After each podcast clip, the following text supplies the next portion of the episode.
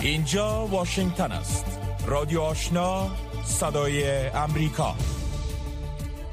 شنونده های گرامی سلام. و برنامه خبری صبحانه رادیو آشنا خوش آمدید که به میزبانی من نسرین محمود عزیزی و همکارم میرویس رحمانی ترتیب شده است. نخست توجه نمایید به مشروع اخبار از همکارم.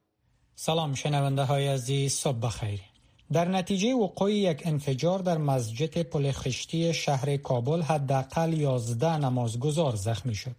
این انفجار حوالی ساعت یک و سی دقیقه پس از چاشت دیروز و هنگام ادای نماز ظهر رخ داد. وزارت داخلی طالبان گفته است که این انفجار ناشی از پرتاب بم دستی بوده است. شفاخانه امرجنسی در کابل در حساب تویترش نگاشته که 11 زخمی از محل این انفجار به این شفاخانه انتقال داده شده است. اما مقام های طالبان گفتند که در این رویداد فقط 6 نفر زخمی شده است. مقام های طالبان همچنان گفتند که یک فرد را به زن دست داشتن در این انفجار بازداشت کردند. چهار روز پیش نیز یک انفجار مشابه در سرای شهزاده کابل که در نزدیکی مسجد پل خشتی موقعیت دارد جان یک نفر را گرفت و 59 تن دیگر را زخمی کرد. تا اکنون مسئولیت این حملات را گروه برودن نگرفته. این انفجارها در حال صورت می گیرد که طالبان ادعا دارند که پس از به قدرت رسیدن امنیت در افغانستان تأمین شده است. مقام های وزارت دفاع امریکا می گویند که پس از خروج کامل تمام سربازان امریکایی از افغانستان در تابستان سال گذشته نیروهای امریکایی تا هنوز هیچ عملیات ضد دهشت افغانی در افغانستان انجام ندادند.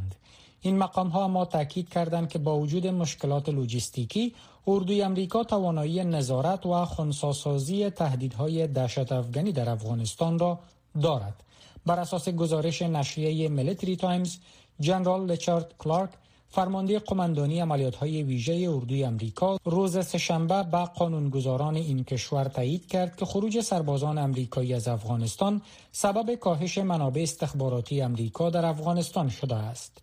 اما این جنرال امریکایی افزود که این محدودیت ها به این معنا نیست که نیروهای تحت امر وی کاملا قادر به نظارت تحرکات در افغانستان از رای دور نباشند. او افزود کردوی امریکا توانایی انجام عملیات های ضد دهشت افغانی را از بیرون دارد. و به گفته وی اردوی امریکا این توانایی خود را به اثبات رسانده است. مقام های استخبارات نظامی امریکا سال گذشته هشدار داده بودند که اگر فعالیت های گروه های دهشت افغان چون القاعده و داعش در افغانستان زیر نظارت نباشد ممکن این گروه ها بتوانند در تابستان یا خزان امسال به اهداف کشورهای غربی حمله کنند. انتظار می رود دادگاه عالی پاکستان امروز فیصله خود را در مورد قانونی بودن منحل ساختن پارلمان این کشور توسط امران خان صادر کند. امران خان صدر اعظم پاکستان روز یکشنبه پس از آن که معاون پارلمان این کشور درخواست احزاب مخالف حکومت مبنی بر سلب اعتماد آقای خان را به تعویق انداخت پارلمان را منحل کرد. احزاب مخالف حکومت می‌گویند که این اقدام امران خان خلاف قانون اساسی پاکستان است. امران خان امریکا را بعد دخالت در امور داخلی پاکستان متهم کرده و ادعا دارد که طرح سلب اعتماد وی از سوی امریکا برنامه ریزی شده بود. اتهامی که واشنگتن آن را رد می کند احزاب مخالف حکومت پاکستان از اردوی این کشور خواستار وضاحت در مورد صحت این ادعای امران خان شده اند در این حال عارف علوی رئیس جمهور پاکستان و همزبی امران خان از کمیسیون انتخابات این کشور خواست تا تاریخ انتخابات جدید را تعیین کند. در ادامه افزایش فشارهای غرب بر روسیه به خاطر تهاجم این کشور بر اوکراین واشنگتن روز چهارشنبه تعذیرات اقتصادی بیشتر را بر مسکو وضع کرد. مقام های امریکایی گفتند که در دور تازه تعذیرات اقتصادی بر مسکو بانک های بزرگ روسیه هدف قرار گرفته است. با گفته این مقام ها امریکا همچنان دختران ولادیمیر پوتین رئیس جمهور روسیه همسر و دختر سرگی لاوروف وزیر خارجه این کشور و اعضای بلندرتبه شورای امنیت ملی روسیه را نیز تحریم کرده است. جو بایدن رئیس جمهور امریکا سربازان روسی در اوکراین را به ارتکاب جنایات جنگی متهم کرد و گفت که کشورهای مسئول باید دور هم جمع شده و عاملین این جنایات را حسابده قرار بدهند. مقام های امریکایی گفتند که تعذیرات اقتصادی بر مسکو سبب خواهد شد تا اقتصاد روسیه در سال جاری میلادی ده تا 15 درصد کوچکتر شود و میزان تورم در این کشور به 200 درصد بلند برود.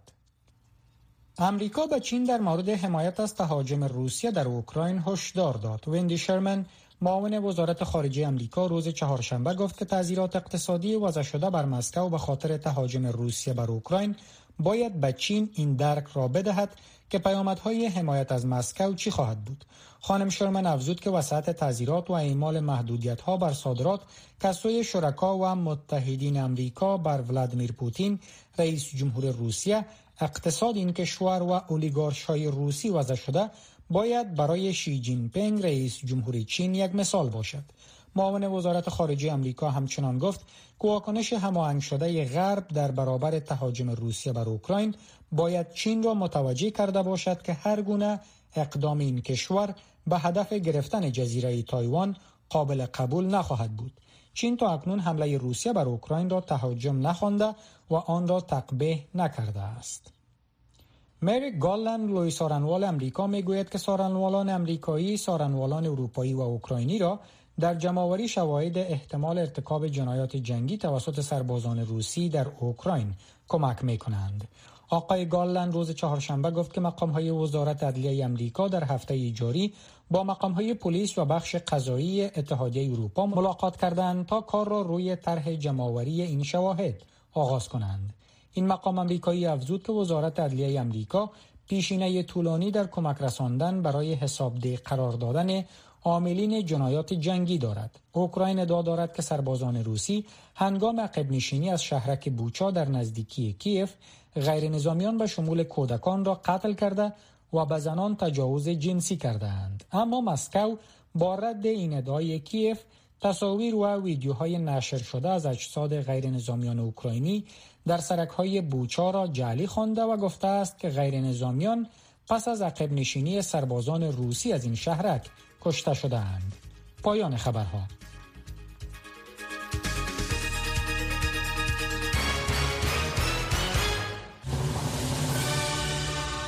رادیو آشنا صدای امریکا. منبع موثق خبرها و گزارش های جهان و افغانستان.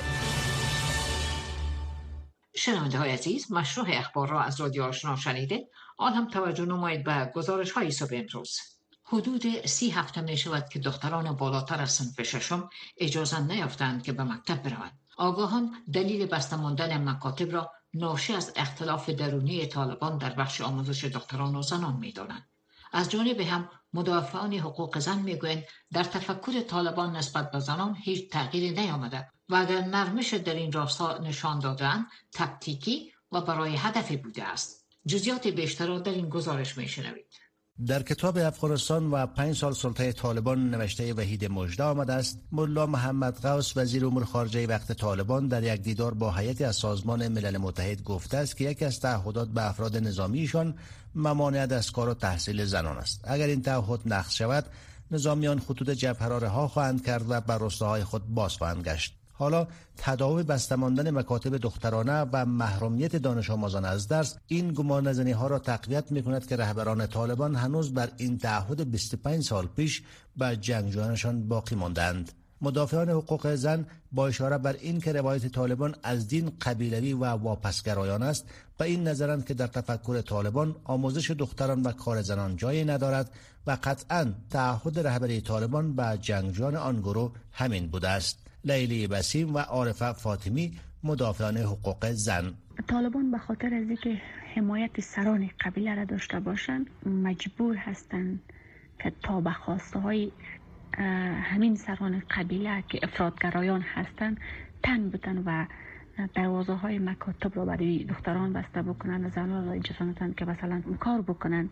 این اطاف طالبا در برخی از موارد تاکتیکی مقطعی و سیاسی بوده.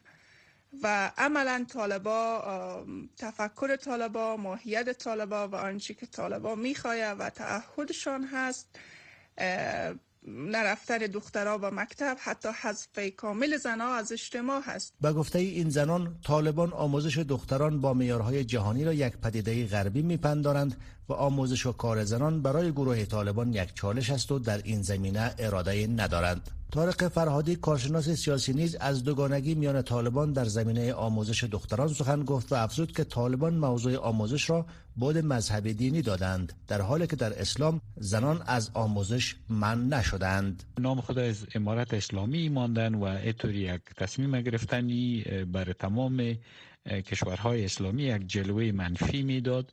با او دلیل است که با وجود دو کنفرانس اسلامی که در اسلام آباد شد کنفرانس کشورهای اسلامی و کنفرانس اسلامی حاضر نشدند اینا را به رسمیت بشناسند. در خود طالبا هم بعضی جناهای است که فعلا خوش نیستن از این تصمیم و اما به حساب همسنگری و رفاقت تا بال صدا بالا نکردن. ظاهر حلیمی استاد دانشگاه به این نظر است که رویکرد طالبان در قبال آموزش و کار زنان برخواسته از تفکر مذهبی سلفی است. و گفته آقای حلیمی نیروهای جدی و تاثیرگذار در درون طالبان نیز کسانی اند که در مکتبهای سلفی در پاکستان و عربستان آموزش دیدند و این افراد به شدت با کار و تحصیل زنان در اجتماع مخالفند. حضور زنان در جامعه را در تضاد با مبانی فکری خود می‌بینند و به همین سبب مانع حضور اونها در اجتماع میشن مگر اینکه فشار اجتماعی و فشار بینالمللی باعث شود که اینها به حضور زنان در اجتماع و کار اونها یا تحصیل اونها تن دهند. با این وجود حکومت طالبان بارها گفته است که به حقوق زنان در چارچوب اسلام پابند و متعهد است. و تازگی زبیح الله مجاهد سخنگوی این حکومت در گفتگو با تلویزیون خصوصی زن نیز گفته است که تمامی حقوق شرعی زنان اعاده خواهد شد. از جمله تحصیل. ای که بعضی از ظرفیت ها کم است یا سهولت ها را در اختیار ندارم یا مسائل مالی باعث شده که تا رسیدگی در این مدت کم صورت نگرفته گپی جداست ولی در پلان هست که تمام خانمای افغانستان حقوقی را که در شریعت برشان تسجیل و تعیین است باید دارا باشند باید در این راستا حق خودت بخواهند محاکم دروازهش در پیششان باز باشه کسی حقشان نه دادگاه باشه و حتی حکومت حمایت کامل از حقوق خانم‌ها بکنه. در افغانستان چیزی که ما می‌خواهیم. با همه این موارد چیزی که واضح و روشن است طالبان با وجود تعهد به مردم و جامعه جهانی دختران بالاتر از سنف ششم را اجازه حضور به سنف ندادند. این امر سبب واکنش های تند ملی و بین المللی شد. آنچه به آن هنوز طالبان پاسخ ندادند شنوندگان گرامی رادیو آشنا صدای امریکا نشرات رادیو آشنا را در موج متوسط 1296 موج کوتاه 11575 اشاری سفر و در موج 972 کیلوهرتز شنیده می توانید. و اساس آمار ملل متحد در حال حاضر حدود 23 میلیون شهروند افغانستان گرسنگی حاد را تجربه می کنند و 95 درصد مردم آن کشور غذای کافی برای خوردن ندارند. این سازمان همچنان گفته است که 10 میلیون کودک افغان برای زنده ماندن و کمک های فوری نیاز دارند. مریم آروین فعال حقوق زن و کودک طی مصاحبه با رویا زمانی می‌گوید آمارهایی که توسط سازمانهای جهانی به نشر می‌رسد وضعیتی است که مردم جهان و مردم افغانستان از آن سخت نگرانی دارند. توجه شما را به این مصاحبه جلب می داریم که با سخنان خانم آروین در مورد وضعیت کنونی کودکان افغان آغاز می شود معزل کودکان افغانستان در یک بود بدبختانه آنچه فرارای کودکان افغانستان از از میراث حکومت های قبلی تا آخرین رئیس جمهور فراری افغانستان یک بخش ازی است. ولی یک بخش ازی پس از 24 مذهب است که هر روز شما شاهد هستیم که در حال رشد است و از کودک های افغانستان قربانی می‌گیرند. طبق آمارهای سازمان های جهانی منتشر کرده چه در سال گذشته چه امسال بدبختانه بیشتر از 24 میلیون جمعیت افغانستان است که نیازمند کمک های فوری هستند. که یک بخش کلان از کودک ها شکل می طبق هایی که ما دنبال کردیم 14 میلیون کودک است که نیازمند کمک های فوری و عاجل هستند. تنها در دو ماه اخیر سال گذشته ما 13 هزار کودک را به دلیل گرسنگی و سوی تغذیه از دست دادیم که یک رقم بسیار درشت است. به اون لحاظ آمارهایی که منتشر میشه از سوی سازمان های جهانی نگرانی هایی است که مردم افغانستان هم دارن و امیدوار هستیم که این نگرانی ها پاسخ داده شد و که حداقل حمایت هایی که مردم افغانستان کودک افغانستان انتظار دارن به اون رسیدگی صورت بگیره چی راه ها را باید روی دست گرفت؟ اونو آروین به خاطر از که کمشری عالی ملل متحد امور پناه پناهجویان یا آیویم همچنان از جهان خواستند که باید از زنان و دختران و کودکان افغان که اونا به کمک های فوری نیاز دارند باید رسیدگی شود. چی راه ها باید در این مقطع زمان گرفته شود برای نجات این جمعیت از مردم افغانستان؟ دقیقا. شما چند روز قبل شاید از این حدودا دو سه روز قبل که نشسته که برگزار شد برای جلب حمایت های جامعه جهانی بر مردم افغانستان قرار بود که بیشتر از چهار میلیارد حدودا چهار میلیارد برای دلار بر مردم افغانستان در بحث کودکان ریشکار شود و این کمک ها برای افغانستان جمعوری شود. حدودا نصف دو بر مردم افغانستان تعهد داده شد. کمک ها در سطح نخست می‌تونن حداقل حمایت از اطفال افغانستان داشته باشد و کودک های افغانستان به شدت نیازمند خدمات صحی رسانیدن غذای عاجل و اضطراری برای از گرسنگی نجات پیدا بکنن. خدمات آموزشی هستند. این یک راه حل می‌تونه در کوتاه مدت باشه که کمک های جامعه جهانی اثرگذار باشه برای که ما از یک بحران حداقل عبور بکنیم. ولی در طویل مدت نمیشه که همه روزه ما دست ما دراز باشه که جامعه جهانی کودک افغانستان کمک بکنن حکومتی که به هر صورت دریچه بشری ببینیم امروز در افغانستان حاکم است ای در خط نخست مسئولیت دارن. بله. اینا برنامه هایی را داشته باشن برای که بتونن اقتصاد خانواده ها را حمایت بکنن. افغانستان یک کشور زراعتی است ولی به نام افغانستان زراعتی است. روی زراعت افغانستان در 20 سال گذشته کار بنیادی و عمرانی نشده. با اون لحاظ برزی که ما بتانیم از این معضل در طویل مدت نجات پیدا بکنیم و برای کودک افغانستان راه حل داشته باشیم. نیاز است که روی اقتصاد پایدار و معلق بر افغانستان کار که دومین راه حل می‌تونه باشه. و سومین راه حل که راه حل میانه حداقل می‌تونیم خطاب بکنیم. ما پیشنهاد کردیم و طرح را داشتیم. بله. مبنی بری که کمیسیون مستقل امداد ایجاد شود که این کمیسیون هم حمایت های جامعه جهانی را جمع بکنن هم برای حمایت های جامعه جهانی لابی بکنن هم بتونه حداقل اعتماد جامعه جهانی را احیا بکنه برای اینکه کمک هایی که برای اطفال افغانستان میشه با نظارت مردم افغانستان و با شفافیت بر مستقیم می‌رسن و در این زمان اگر این کمیسیون متشکل از فعالین حقوق بشر ویژدن فعالین زنان و فعالین حقوق کودک باشد یک حمایت دیگه که می‌تونه از کودکان داشته باشی است قضایی که کودکان مورد خشونت قرار می‌گیره او را بتونه بررسی بکنه. ما بله. حداقل می‌تونیم در بحث خشونت زدایی علیه کودکان افغانستان یک مسیر بسیار خوب را در مدت زمان متوسط یا با یک پلان متوسط می‌تونیم طی بکنیم یک راه حلی که در سه مرحله ما باش صحبت کردم بله. می‌تونه باشه و چقدر شما خوشبین هستین که همچی یک پلان یا یک طرح را که شما پیشنهاد کردین یا روی از او کار کردین در افغانستان در این زمان او تطبیق شود کمیسیون مستقل امداد را کار کردیم؟ انتظارش همین بود که هم از طرف قدرت حاکم در افغانستان و هم از سوی نهادهای حمایت کننده کودکان افغانستان یا سازمان های حمایوی کودکان افغانستان از این طرح استقبال بکنن. یه بدبختانه تا هنوز چنین نشده. ما نهایت تلاش ما اینمی است که این طرح مورد استقبال قرار بگیره تا بتانه هم به نحو از انها قوانین نافذه که در حمایت از کودکان افغانستان از ریو بررسی داشته باشه قبول داشته باشه و از چگونگی تطبیقش نظارت بکنن.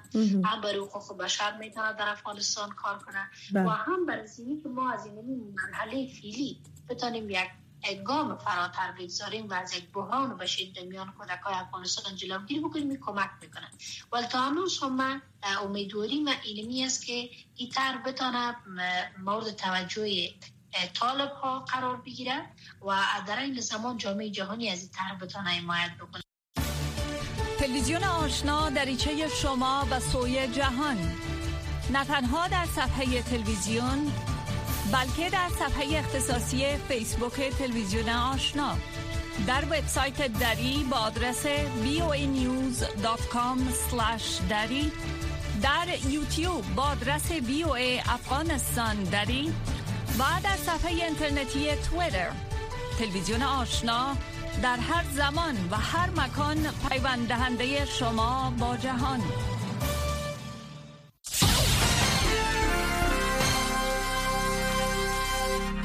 سرمقاله ای را که می شنوید دیدگاه های حکومت ایالات متحده را منعکس می کند. ماها اعتراض غیر خشونت آمیز توسط زنان و جوانان شجاع سودانی در سال 2019 منجر به سقوط عمر البشیر دیکتاتور بیرحم سودان شد اما اردوی سودان که در ماه اکتبر سال 2021 قدرت را به دست گرفت توافقهای سیاسی خود را لغو کرد و روند گذار کشور به دموکراسی را مختل ساخت اردوی سودان رهبران غیر نظامی را زندانی کرد مخالفان را سرکوب نمود و اعتراضات گسترده دموکراسی که تاکنون ادامه دارد با خشونت فزاینده نیروهای امنیتی سودان مواجه می باشند. مرکز ذخیره پلیس یا احتیاط سودان که به نام CRP یاد می شود یک واحد پلیس نظامی است که به استناد های سودانی و بین المللی در سرکوب خشونت آمیز اعتراضات در سودان دست بالا داشته است. در 21 مارچ دفتر کنترل دارایی های خارجی وزارت خزاین ایالات متحده یا OFAC این مرکز سودانی را بر اساس فرمان اجرایی 13818 در لست افزوده و شناسایی نمود. این فرمان اجرایی قانون پاسخگویی حقوق بشر جهانی مکنیتسکی را اجرایی می سازد و بر اساس آن اجازه مسدود کردن دارایی ها را می دهد. دفتر کنترل دارایی های خارجی وزارت خزاین ایالات متحده مرکز ذخیره پلیس یا احتیاط سودان CRP را به دلیل استفاده از قوه بیش از حد علیه مظاهره کنندگان پس از تسلط نظامی در ماه اکتبر سال 2021 تحریم کرد. انتونی بلینکن وزیر امور خارجه ایالات متحده در بیانیه کتبی گفت در ابدام جنوری افسران مرکز ذخیره پلیس یا احتیاط سودان CRP از گلوله های جنگی واقعی علیه معترضان استفاده کردند که منجر به کشته و زخمی شدن تعداد زیادی شد. گزارش های تجاوز جنسی، قتل، شکنجه و بازداشت های خودسرانه در میان سایر سوی استفاده هایی است که افسران این مرکز سودانی اخیرا در 14 مارچ مرتکب شدند و انوز هم ادامه دارد. در نتیجه این تعیین و شناسایی کلی اموال تحت صلاحیت قضایی ایالات متحده است که تمام آن اموال و مفاد سی پی مسدود شده و دخالت شهروندان ایالات متحده به طور کلی با این سازمان منع شده است. این اقدام اولین تحریم از زمان تسلط اردو در سودان نشان دهنده این است که ایالات متحده به هر دو انتقال دموکراتیک سودان و احترام به حقوق همه افراد در آن کشور متعهد است. ایالات متحده به طور کامل از تلاش های معمولیت معاونت انتقال مختلط در سودان یا یونیتامز اتحادیه اروپا و سازمان صلح و رفاه و اختلاط منطقوی یا IGAD برای تسهیل روند سیاسی فراگیر و تحت رهبری سودان برای بازگرداندن انتقال غیر نظامی به دموکراسی حمایت می کند. آقای بلینکن گفت اما این روند تا زمانی که ادارات نظامی و امنیتی محیطی را ایجاد کنند که همه بازیگران بتوانند با خیال راحت در مذاکرات شرکت کنند نمی‌تواند آغاز شود. انتونی بلینکن وزیر خارجه ایالات متحده برای نشان دادن عزم مستمر ایالات متحده در مبارزه و تلاش برای سرکوب آرمانهای مردم سودان برای دموکراسی افزود ما آماده استفاده از همه ابزارهایی که در اختیار خود داریم برای حمایت از مردم سودان در پیگیری احترام به حقوق دموکراتیک برای سودان و یک سودان محترم و موفق می باشیم. آنچه را شنیدید باستاب دهنده نظر حکومت ایالات متحده بود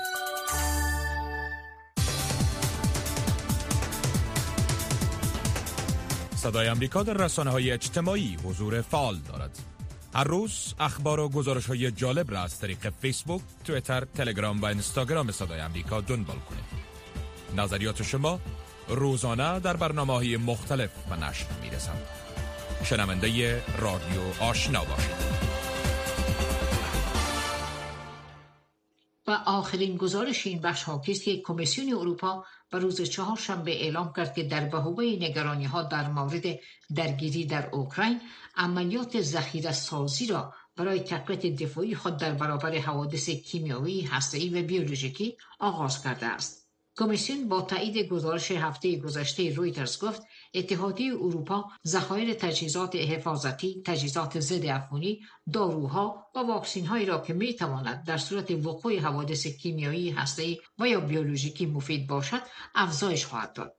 از جانب دیگر بوریس جانسون صدراعظم بریتانیا به روز چهارشنبه گفت دیدن اجسادی که از فاصله نزدیک با دستان بسته ایشان در خیابانهای بوچای اوکراین هدف تیراندازی قرار گرفتهاند به نظر نمی رسد خیلی دور از نسل کوشی باشد توجه شما را به گزارش آژانس رویترز جلب می داریم که عبدالواجد عادل تقدیم می دارد.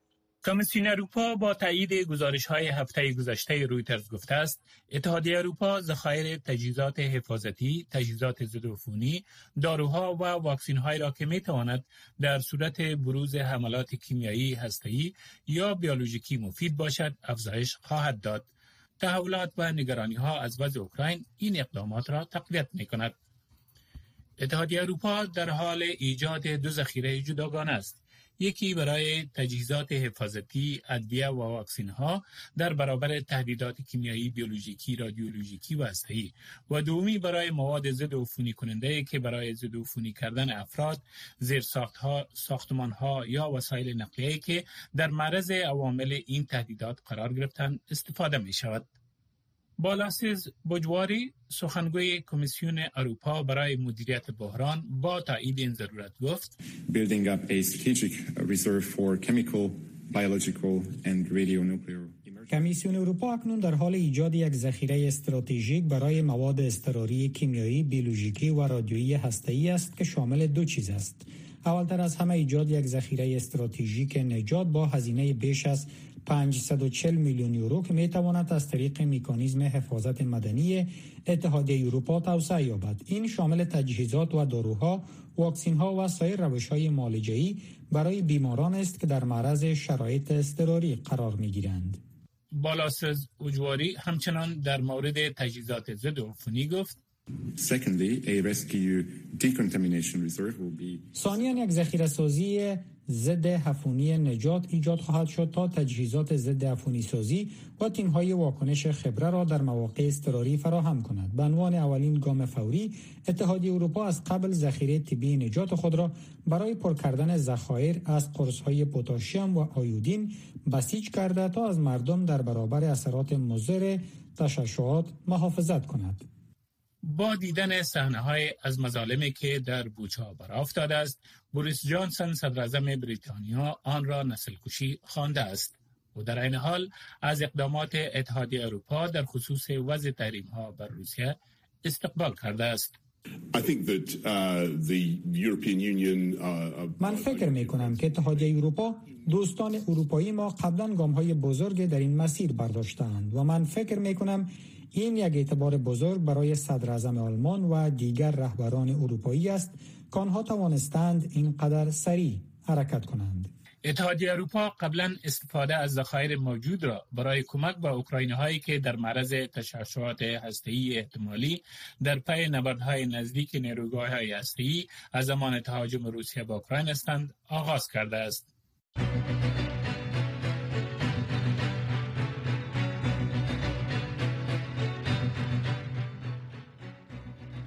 شنوندگان گرامی در اینجا می رسیم به پایان بخش دوم برنامه صبح امروز رادیو آشنا. چند لحظه بعد نشرات برنامه رادیو آزادی را روی همین موج می شنوید که تا هفت شام به وقت کابل ادامه دارد. تا ساعت هفت شام که بار دیگه با نشرات رادیو آشنا در خدمت خواهیم بود با شما خداحافظی می کنیم الطاف خداوند بدرقه راه شما.